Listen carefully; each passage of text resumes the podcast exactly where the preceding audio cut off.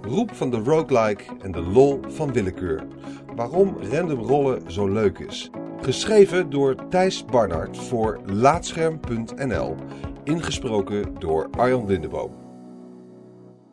Ik kan het eerste level van Super Pro Protector Alien Rebels contra 3 The Alien Wars buiten Europa dromen.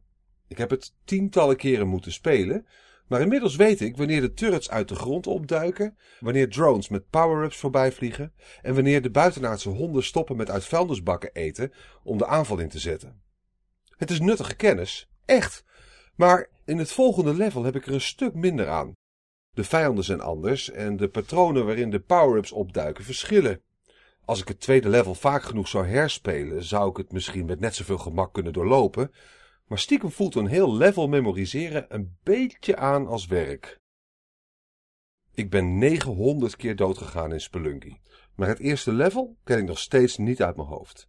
Dat is ook geen gemakkelijke klus, want de mijnen, jungles, ijsgrotten en tempels van Spelunky worden iedere keer dat je avonturier het loodje legt, opnieuw gegenereerd. In theorie betekent dat dat geen level twee keer hetzelfde is. De samenstelling van vijanden die erin rondlopen en de schatten die er zijn te vinden zijn nooit 100% hetzelfde, waardoor je eigenlijk constant verrast wordt. Twee stappen naar voren, één stap terug.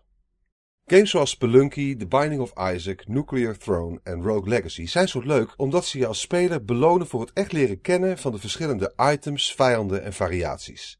In Spelunky hoef je maar één keer met je zweep tegen een yeti te slaan om te leren dat het geen effect heeft en de yeti je hoogstwaarschijnlijk tegen de muur gooit. In Nuclear Throne kom je er al snel achter dat een discgun afvuren in een krappe ruimte ook jouw kop kost. En in The Binding of Isaac leer je welke kisten je beter gesloten kunt laten wanneer je met een tekort aan sleutels zit. Moeilijke keuzes maken en vaak de fout ingaan zitten in de kern van iedere goede roguelike. Kennis opdoen over wat wel en niet werkt in welke situatie is zo oud als games zelf, maar juist omdat zoveel spellen vooral rechtlijnige achtbaanritten zijn, vallen roguelikes op een positieve manier op. Omgaan met de willekeurigheid, de mogelijkheden ontdekken in de beperkte middelen die je meekrijgt, weinig uitleg en vooral heel erg vaak doodgaan vormen de fundering van de games binnen dit genre.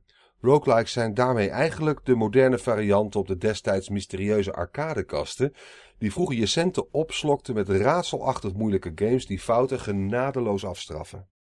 Dat je al je voortgang kwijtraakt wanneer je het loodje legt is iets waar je je echt overheen moet zetten om een goede roguelike te waarderen.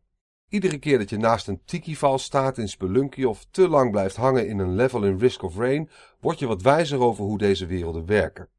Kleine vooruitgang boek je echter ook op andere manieren. In Crypt of the Necrodancer kun je de diamanten die je voor je dood hebt gevonden inzetten om nieuwe handige items in de kerken te introduceren.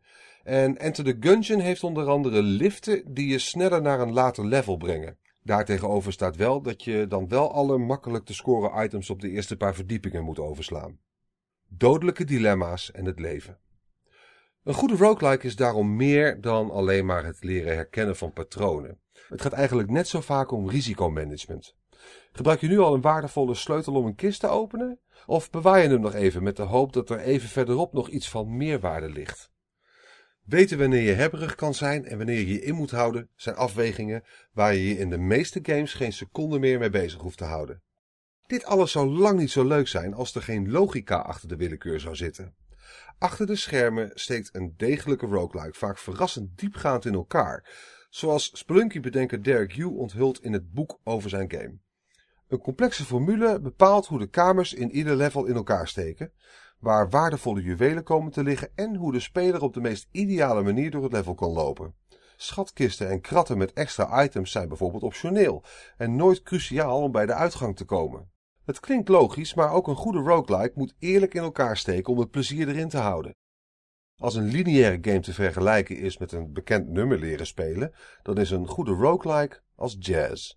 Het draait om improvisatie, begrijpen hoe alle onderdelen samenwerken en hoe jij jouw rol daarin invult. Weten wanneer je je solo kan pakken en wanneer je je rustig moet houden. De beste spellen uit het subgenre weten de spanning tussen leren en improviseren tot het uiterste op te zoeken.